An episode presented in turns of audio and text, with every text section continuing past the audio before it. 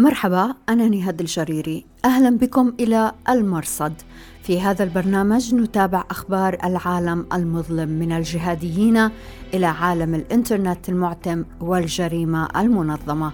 أهلا بكم في راديو وتلفزيون الآن. بودكاست على راديو الآن. أهلا بكم إلى حلقة هذا الأسبوع من المرصد. نغطي فيها الفترة من 1 إلى 7 أغسطس 2022 إلى العناوين. هل ترك الظواهري وصية تحدد هوية خليفته؟ التفاصيل بعد قليل مع ضيف الأسبوع الدكتور حسن سالم بن سالم. وحساب مقرب من طالبان يتهم إيران وداعش بالتعاون مع أمريكا في تحديد مكان الظواهري ولماذا يصر سراج الدين حقاني على توطيد العلاقة مع القاعدة؟ ضيف الأسبوع إذا الدكتور حسن سالم بن سالم الباحث في شؤون الجماعات المتطرفة يحدثنا عن وصية الظواهر وعن علاقة القاعدة بجناح حقاني داخل طالبان. وبإمكانكم الرجوع إلى نص هذه الحلقة في أخبار الآن دوت نت. بودكاست على راديو الآن. بعد مرور خمسة أيام على الغارة التي قالت واشنطن إنها قتلت زعيم تنظيم القاعدة أيمن الظواهري في وسط كابول أصدرت حكومة طالبان بيانها حول الواقعة وذلك بتاريخ 4 أغسطس. ذبيح الله مجاهد المتحدث باسم طالبان وصف إعلان الرئيس الأمريكي جو بايدن استهداف الظواهري بالمزاعم. في نفس الوقت أشار إلى أن حكومة طالبان لا معلومات لديها عن وصول أيمن الظواهري إلى كابول أو إقامته فيها وأضاف أن القيادة أمرت بالتحقيق في هذا الحادث كما وصفوه. مجاهد أكد أنه لا يوجد أي تهديد على أي دولة بما فيها أمريكا مصدره الأراضي الأفغانية وشدد على أهمية احترام اتفاق الدوحة مكررا ما اعتبره سابقا انتهاكا أمريكيا للأراضي الأفغانية بتنفيذ تلك الغارة. ثمة تخبط في تصريحات طالبان. صباح الأحد 31 يوليو وقع انفجار في منزل بالحي الدبلوماسي في كابول وزارة الداخلية التي يرأسها سراج الدين حقاني نفت أن يكون الانفجار ناجم عن غارة بطائرة مسيرة مؤكدة أن الانفجار وقع في منزل غير مأهول. مساء الاثنين 1 أغسطس قبل ساعة أو ساعتين من إعلان واشنطن قتل الظواهري أصدر طالبان بيانا يؤكدون فيه أن الانفجار كان فعلا ناجما عن طائرة أمريكية مسيرة من دون الإفصاح عن هوية الهدف. ما المشكلة إذا في بيان طالبان؟ ثمة أمران التوقيت والمحتوى. فلماذا ينتظر طالبان يومين بعد إعلان بايدن لنفي علمهم بوجود الظواهر في كابل؟ إما أنك تعلم أو لا تعلم. ولو كان الهدف في حي شعبي أو في أطراف كابول لكان لكل مقام مقال. أما أن يكون الهدف في الحي الدبلوماسي قرب منزل قائد شرطة كابول فهذا أمر يفترض ألا يمر بسهولة. بودكاست على راديو الآن. حساب أبو يحيى الشامي على التليجرام وهو من الحسابات المتحمسة لطالبان. وصف البيان بأنه ضعيف.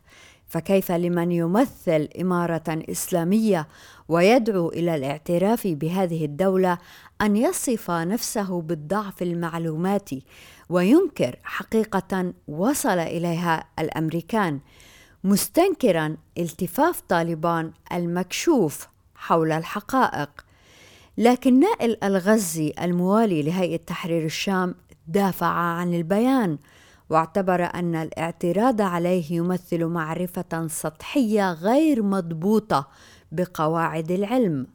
والعجيب أن الغزي يتوافق في هذا مع خصمه العنيد منظر الجهادية أبي محمد المقدسي الذي برر في حسابه على تويتر وقال نحن لا نرقع لا لطالبان ولا قاعدة ولا غيرهم بل نناصح سرا وعلنا ونصبر على من يتقبل النصح. المقدسي كان أعطى طالبان سك غفران غير محدد الأجل لما تقدم من قولهم وتأخر معتبرا وجود الظواهر بين ظهرانيهم حنكة وإن قتل على هذا النحو. رد متابع على المقدسي ولفت إلى تناقضه. يقول هذا المتابع سنوات وأنتم تكفرون جهاز أمن الهيئة هيئة تحرير الشام وتصفونهم بعملاء أمريكا والتحالف لأنه تم اغتيال بعض القادة في إدلب حتى تم اغتيال قائدكم الأكبر الظواهري في كابول في حضن طالبان. آخر قال لو وددت يا شيخ أن تصدع بالحق فيما يخص حقيقة طالبان ولا تخاف في الله لومة لائم لكني محتار فيك. وفي هذه المسألة كلها يبرز التناقض والتقارب بين هيئة تحرير الشام وطالبان. هنا يعود المقدسي وأنصار القاعدة إلى التذكير بأن الهيئة تختلف عن طالبان منذ نقضوا البيعة للقاعدة بالإشارة إلى فك الارتباط الذي أعلنه الجولاني في 2017 ونسأل ماذا يقول المقدسي إذن في إصرار طالبان على أن لا بيعة بينهم والقاعدة الظواهري قدم البيعة للملا أخنزادة في 2016 لكن لم يعلن في أي وقت أن طالبان قبلوا البيعة وعندما سألنا الناطقين باسم طالبان عن الأمر أنكروه غاضبين معتبرين أن هذا السؤال تحامل عليهم. ولنعد قليلا إلى كلام المقدسي عن نقد البيعة للقاعدة سواء من قبل الجولاني أو أبي بكر البغدادي زعيم داعش. ولنذكر أن الظواهري كان سبب هذا الإشكال. في 2013 الظواهر انتصر للجولاني على حساب البغدادي علما بأن الجولاني كان تابعا للبغدادي وهذا بتأكيد الثلاثة البغدادي الجولاني والظواهري. البغدادي هو من أرسل الجولاني إلى الشام ومده بالمال والرجال وفي نهاية الأمر انقلب الجولاني على البغدادي والظواهري أيد هذا الانقلاب محدثا أكبر شرخ في تاريخ الجهادية. في موقع جهادك الشهير مقال شامل يجيب عن سؤال هل كان الظواهري ناجحا في قيادة القاعدة؟ يتحدث فيه عن مسؤولية الرجل عن الخلاف مع البغدادي كيف ضيع الشام بسبب سوء إدارة ملف الجولاني؟ كيف أساء إدارة ملف اليمن أيضا؟ وكيف غامر بالإقامة في كابل وهو يعلم يقينا الخطر الذي يشكله ذلك على طالبان وأفغانستان؟ بودكاست على راديو الآن. يواصل أنصار القاعدة الكبار نعي الظواهري لفت نعي نشره أبو حفص الموريتاني محفوظ ابن الوالد الذي كان مفتي القاعدة قبيل 11 سبتمبر وكان ممن لجأ إلى إيران بعد الغزو الأمريكي لأفغانستان في 2001 في الأثناء لا يزال بعض أنصار القاعدة ينتظر التأكيد الرسمي من السحاب. قتل الظواهر يثير جدلا من حيث العلاقة مع طالبان، العلاقة مع إيران والعلاقة مع الرجل نفسه. لفت في هذا الجانب أن أفرد هاني السباعي منظر الجهادية المقيم في لندن مساحة واسعة للرد على اليوتيوبر عبد الله الشريف الذي ينشر عادة ما يعجب أنصار القاعدة، لكنه هذه المرة قال في الظواهر ما لم يعجبهم. حساب باسم كريم جادي الذي يعرف عن نفسه بأنه باحث من المغرب قال إن الشريف أشار إلى تكفير الظواهري جماعة الإخوان المسلمين وفي منشور طويل دافع عن جادي عن العلاقة التي جمعت بين الظواهري والإخوان. وعن علاقة القاعدة بإيران ومعضلة القادة الموجودين هناك خاصة سيف العدل ينشر موقع أخبار الآن سلسلة مقالات تحت عنوان متلازمة طهران انطلاقا من فكر مصطفى حامد أبي الوليد المصري صهر سيف العدل. كيف تأثر الرجل بإيران وكيف نقل على الأرجح هذا الأثر إلى سيف العدل؟ وبالتالي لأي درجة ستستحوذ إيران على القاعدة في حال تزعمها سيف العدل؟ بودكاست على راديو الآن. عودا على بدء. نفي طالبان العلم بوجود الظواهري في كابل. نشر حساب وكالة أنفال الأفغانية المقرب من طالبان هذا الحساب موجود على التليجرام نشر ما قال إنه معلومات حصرية عن الهجوم الذي قتل الظواهري محاولا تبرئة طالبان من الضلوع في قتل الرجل. فاتهم داعش وإيران بالعمل لمصلحة أمريكا في تعقب الظواهري يقول الحساب إن شهاب المهاجر زعيم داعش خراسان انشق عن التنظيم وحاول التقرب من القاعدة فأرسل للظواهري كتاب ولاء كان ملوثا بما قد يمكن أمريكا من الكشف عن مكانه. وهذه حقيقة جملة غير واضحة على الإطلاق. المهم بعد ذلك بحسبهم اضطر الظواهري إلى أن يتوجه إلى المدن حتى يختبئ هناك من باب الخديعة فرحل إلى كابول. تبعته عائلته التي كانت في إيران ومن هنا تمكنت أمريكا من تعقب الرجل من خلال عائلته. تماما كما تعقبت أسامة بن لادن من خلال زوجته التي كانت في إيران أيضا. بودكاست على راديو الآن. أهلا بكم دائما في راديو الآن. نرحب هذا الأسبوع بالدكتور حسن سالم بن سالم الباحث في شؤون الجماعات المتطرفة. صدر له أكثر من كتاب عن مركز الملك فيصل للبحوث والدراسات الإسلامية. شكرا جزيلا لوجودك معنا مرة أخرى في البرنامج دكتور حسن. أهلا وسهلا أستاذ دكتور هل ممكن أنك تضعنا في الإطار التاريخي لهذه العلاقة بين جناح حقاني شبكة حقاني والقاعدة؟ آه، العلاقة ما بين شبكة أو مجموعة حقاني والقاعدة هي علاقة تاريخية آه، منذ بدايات آه، وصول أسامة بن لادن إلى أفغانستان. جلال الدين حقاني كان من أوائل من احتضن الكثير من المقاتلين العرب فتح لهم كثير من المعسكرات. من معسكر جلال الدين حقاني تخرج أهم شخصيتين عندما قدمت إلى افغانستان كانت لهم دور في في تأسيس تنظيم القاعده وهم آه، أبو حفص المصري وأبو عبيده البنشيري كلهم تخرجوا من معسكر آه، جلال الدين حقاني.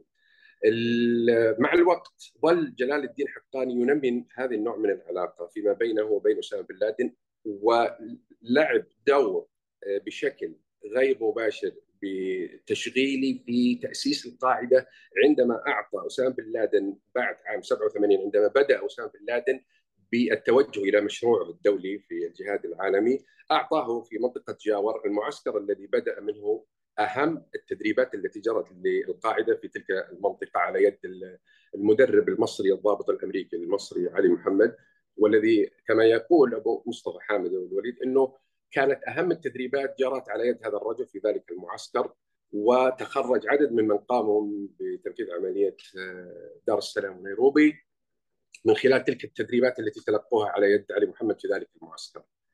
ما قبل مرحلة التمرد جلال الدين حقاني استطاع انه آه، يحظى بدعم يعني قدم هو دعمه لطالبان وأخذ مكانة رمزية في البداية عند حكومة طالبان انه سلم وزير الحدود القبائل في حكومة طالبان بن ملا عمر لكن تغيرت وضع المجموعة بشكل أكبر بكثير بعد مرحلة التمرد وبعد سقوط حكومة طالبان أصبح عضو في مجلس الشورى بيتا كما هو معروف وبدأت العلاقة تتزايد ما بينه وبين جماعة القاعدة في التنظيم والتنسيق العملياتي.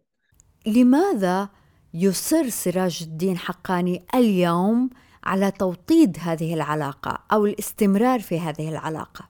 سراج الدين حقاني من سراج الدين حقاني من الواضح أنه آه، هو استفاد كثيرا من تجربة آه، والده جلال الدين حقاني لأنه جلال الدين كان يميزه أمرين مهمين في التعامل مع مثل هذه المجموعات سواء كانت القاعدة أو غيرها، جلال الدين حقاني كان عنده نوع من آه، القدرة الفائقة على صنع تحالفات تكتيكية مع مختلف المجموعات الفاعله في أرض أفغانستان آه، كان يعمل على صنع هذه التحالفات التكتيكية. قلنا إنه فتح مجال العرب كان هناك عنده دعم للمقاتلين العرب دعم للقاعدة بشكل آه، غير مباشر. آه، في الوقت نفسه كان عنده نزعة برغماتية متطرفة جدا بمعنى إنه كان في ظل تلك التحالفات يدرك تماما العواقب العملية التي قد يترتب عليها في الداخل أو في الخارج أو في العمل الحام لمجموعته. بمعنى إنه هذه التحالفات قد تؤدي بالضرر على مجموعة شبكة حقاني، هذا هذه القضية كان جلال الدين حقاني على وعي فيه ولذلك حرص على أن أن يذعن الحركة أو الشبكة دائما تاريخيا تحت كيانات أخرى.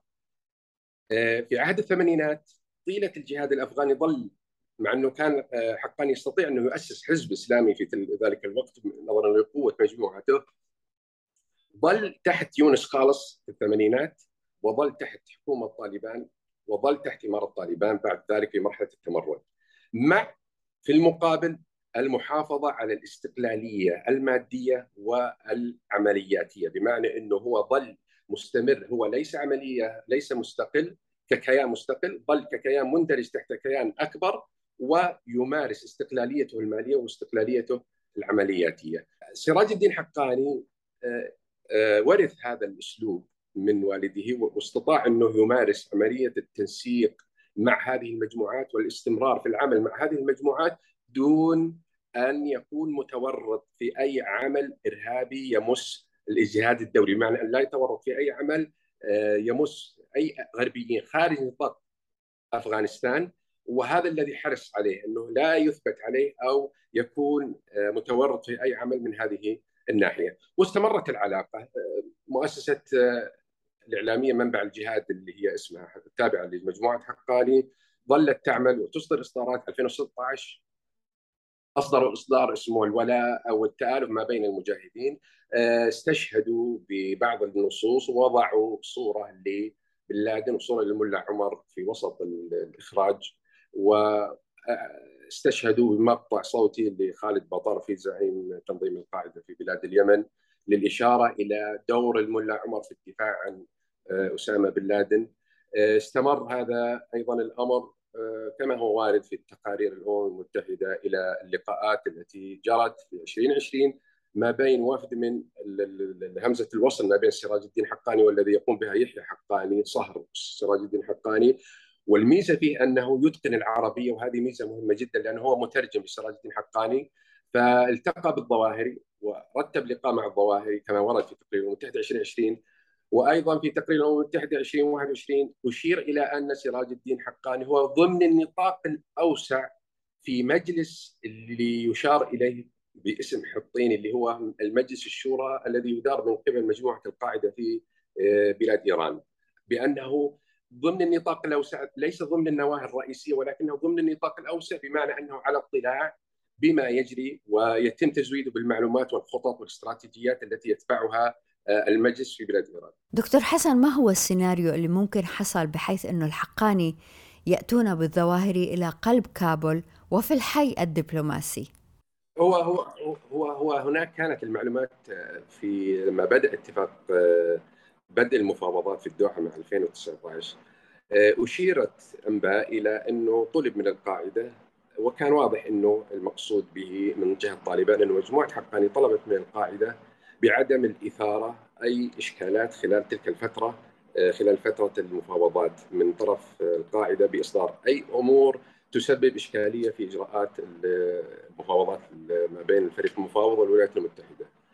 آه، مجموعة حقاني بعد إن انتهى أمر المفاوضات ودخلت إلى أرض أفغانستان في أغسطس صدر بيان القاعدة. ربما إحنا عندنا لفتة مهمة في البيان التهنئة الذي أصدره قاعدة الجهاد إنه أشيرت في بدايه في صدر البيان التهنئة إلى الأمراء الثلاثة الملا عمر الملا أختر منصور والملا هبة الله اخنزاده وأشير بشكل رئيسي إلى جلال الدين حقاني في التهنئة. آه، وهذا كانت أشبه ما تكون أيضا رسالة من قاعدة الجهاد أيضا إلى مجموعة حقاني في دعمها آه، المستمر لمجموعة حقاني. مجموعة حقاني ارتأت إنه الأوضاع هدأت آه، من بعد ما أغسطس سيكون تحت سيطرتها بمعنى إنه وزارة الداخلية الأمور الأمنية تحت زمام سراج الدين حقاني، وسراج الدين حقاني رجل متنفذ بشكل قوي جدا في الداخل، بمعنى إنه يجب أن نقول إنه لم يصل سراج الدين حقاني وهو في مقتبل العمر عندما تعين نائب للملا أختر منصور، الملا أختر منصور عندما اختاره نائبا نائبا له ضمن هبة الله خنزاده اختاره ليضمن ولا مجموعة حقاني آه، تماما من خشية أي ما يحصل وهو إحنا ندرك إنه في عهد الملا أختر منصور حصل خصام ونزاع على آه، إمارته لطالبان فكان يريد ضمان آه، ولاء مجموعة حقاني. آه، المنصب الذي وصل إليه لم يصل إليه أي شخصية غير قندهارية في ذلك الوقت في 2015 واستمرت المجموعة آه، تحصل العديد من المناصب. لذلك نقول إنه سراج الدين حقاني آه، هي الشخصية قد تكون من الشخصيات الأقوى في الداخل الحكومة طالبان هي من الشخصيات الأقوى وأكثر قدرة في الأرض بمعنى أنها تمسك الزمام الأرضي أكثر بشكل من أي بقية قوى أخرى لأطراف أخرى يعني سواء كانت معتدلة أو أخرى في داخل حكومه طالبان. دكتور حسن ما أفكارك بخصوص بيان طالبان؟ لأي درجة معقول إنهم لا يعلمون بوجود الرجل في وسط كابول يعني لو في أطراف المدينة كان معقول لكن في الحي الدبلوماسي غريب حقيقة هذا البيان آه، يعني يعني هو حركة طالبان آه، لها استراتيجية تبعتها من بدء المفاوضات وهي الاعتماد المستمر على التكذيب والإنكار بمعنى أنه لم يتم التطرق إلى أهم القضايا منذ بدء المفاوضات يعني بمعنى أنا أذكر إني رصدت إنه أول نفي لوجود مقاتلين أجانب رسمي صدر من القاعدة في 2018 ديسمبر أول ما بدأت آه، المفاوضات آه، من أذن الرئيس الأمريكي دونالد ترامب ببدء المفاوضات. فظهر أحد الفريق المفاوض في الدوحة في في تقرير ل CNBC News الأمريكية وقال إنه هناك يوجد عدد من المقاتلين آه، قدرهم بأكثر من ألف مقاتل أجنبي ونحن لن نضحي بهؤلاء وسوف ندافع عنهم. ذبيح الله مجاهد في ذلك الوقت أصدر أول تكذيب لوجود القاعدة أو وجود مقاتلين أجانب في أرض أفغانستان. وعلى على للمعلومية إنه ذبيح الله مجاهد أشار إشارة مهمة خطيرة جدا في لقائه في Tolo News آه، بما يتوافق حتى مع رؤية حقاني إنه آه، علاقة القاعدة بطالبان هو أشار وقال بنص العبارة نحن ملتزمين أن لا يمارس أو تمارس أي آه، من القاعدة وغيرها تشن أي عمليات من داخل أفغانستان وهذا ما نلتزم به، أما العلاقات الصداقة فقال بهكذا عبارة، أما العلاقات فالاتفاقية لا تتطرق إلى موضوع العلاقات، علاقتنا سواء كان بالقاعدة أو بغيرها لا علاقة لها بالاتفاقية التي جرت بين الفريق المفاوض والولايات المتحدة. دكتور حسن ما هي أفكارك حول خليفة آه، الظواهري المرشح لخلافة الظواهري في زعامة التنظيم؟ ترشيح من يتولى زعامه تنظيم القاعدة شك إنها مشكلة هي معضلة للتنظيم القاعدة. حاول التنظيم حل هذه الإشكالية في وقت آه، مبكر. آه، هناك وثيقة تم تسريبها من قبل قاضي شرعي في جبهة النصرة في 2017 و 2018 تم وثيقة وقع عليها مجلس شورى القاعدة بأمر من أيمن الظواهري بأنه إذا ألم إذا إذا قتل أو ألم به مانع من بالقبض عليه أو بعدم قدرته على القيام بالعمل أن يوقع آه، أطراف أو مجلس شورى القاعدة آه، وسنذكر اسمائهم على ما يلي أن يكون آه، بشرط أن يتولى أحد من الأربع أسماء بالترتيب منصب إمارة تنظيم القاعدة بشرط أن يكون متواجدا في بلاد خراسان أو في فرع من أفرع القاعدة. آه، فكان الترتيب أبو الخير المصري وكان الترتيب بعد ذلك أبو محمد المصري ثم سيف العدل ثم أبو بصير الوحيشي إذا انتفى الأول ثم الثاني فالثاني فالثالث فالرابع وهكذا. آه، في آه، هذا كان في 2014 ووقع عليها أبو جيجان الباشا ووقع أبو حمزة الغامدي وقع أبو همام الصعيدي وقع أبو عمر المصري وابو عبد الرحمن المغربي وقعوا على هذه الوثيقة.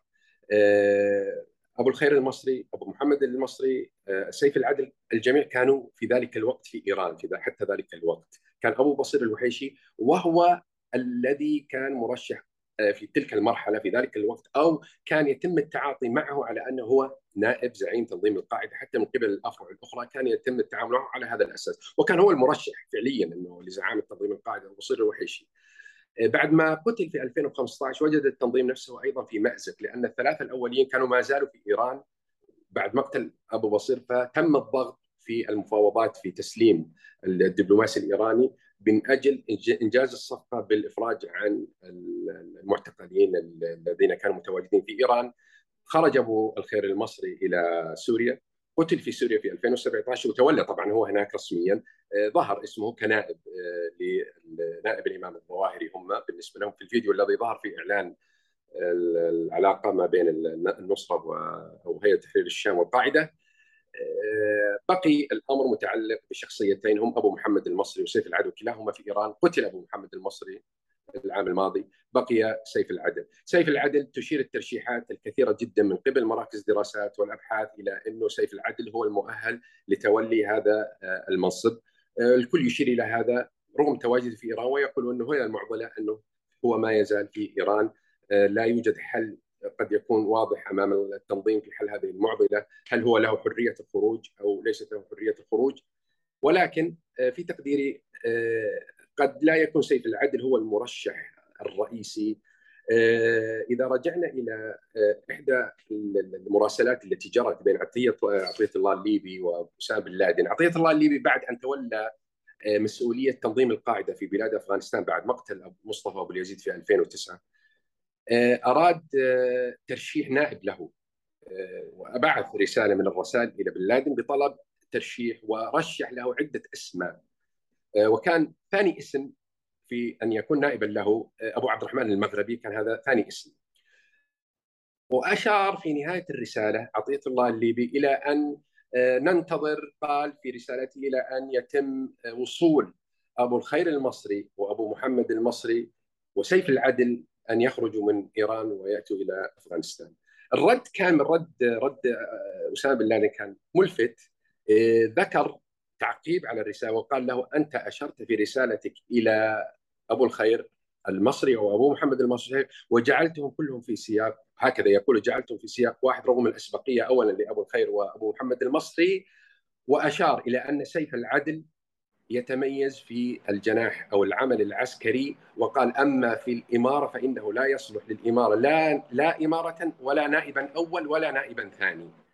فكانت نظرته تجاه سيف العدل أنه لا يصلح لهذه الناحية. أبو عبد الرحمن المصري رفض من عطية الله تعيينه أن يكون هو النائب ورأيت رسالة أخرى من بن لادن إلى أبو عبد الرحمن المغربي أنه يكون أمر بأن يتولى العمل كنائب لعطية الله الليبي أيضا في مقابل عمله كمشرف على مؤسسة السحاب، لذلك أنا أظن إنه حتى حرية الحركة لدى عبد الها... أبو عبد الرحمن المغربي حرية التنقل لديه واضحة، بمعنى إنه هو متواجد في أفغانستان ومتواجد في إيران، هو ممن خرج في 2001 من أفغانستان وذهب إلى إيران في 2009 2010 كانت المراسلات وتولى هذا المنصب نائبا لعطيه الله الليبي ويذهب ويتنقل لديه حرية كبيرة جدا لأنه تولى هذا المنصب ويشير تشير تقديرات أخرى أيضا إلى أنه حتى قريب هو لا يزال يتولى منصب مسؤولية تنظيم القاعدة في بلاد أفغانستان.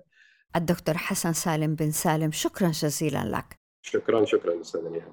وشكرا جزيلا لوجودكم معنا في راديو وتلفزيون الآن أنا نهاد الجريري مع السلامة بودكاست على راديو الآن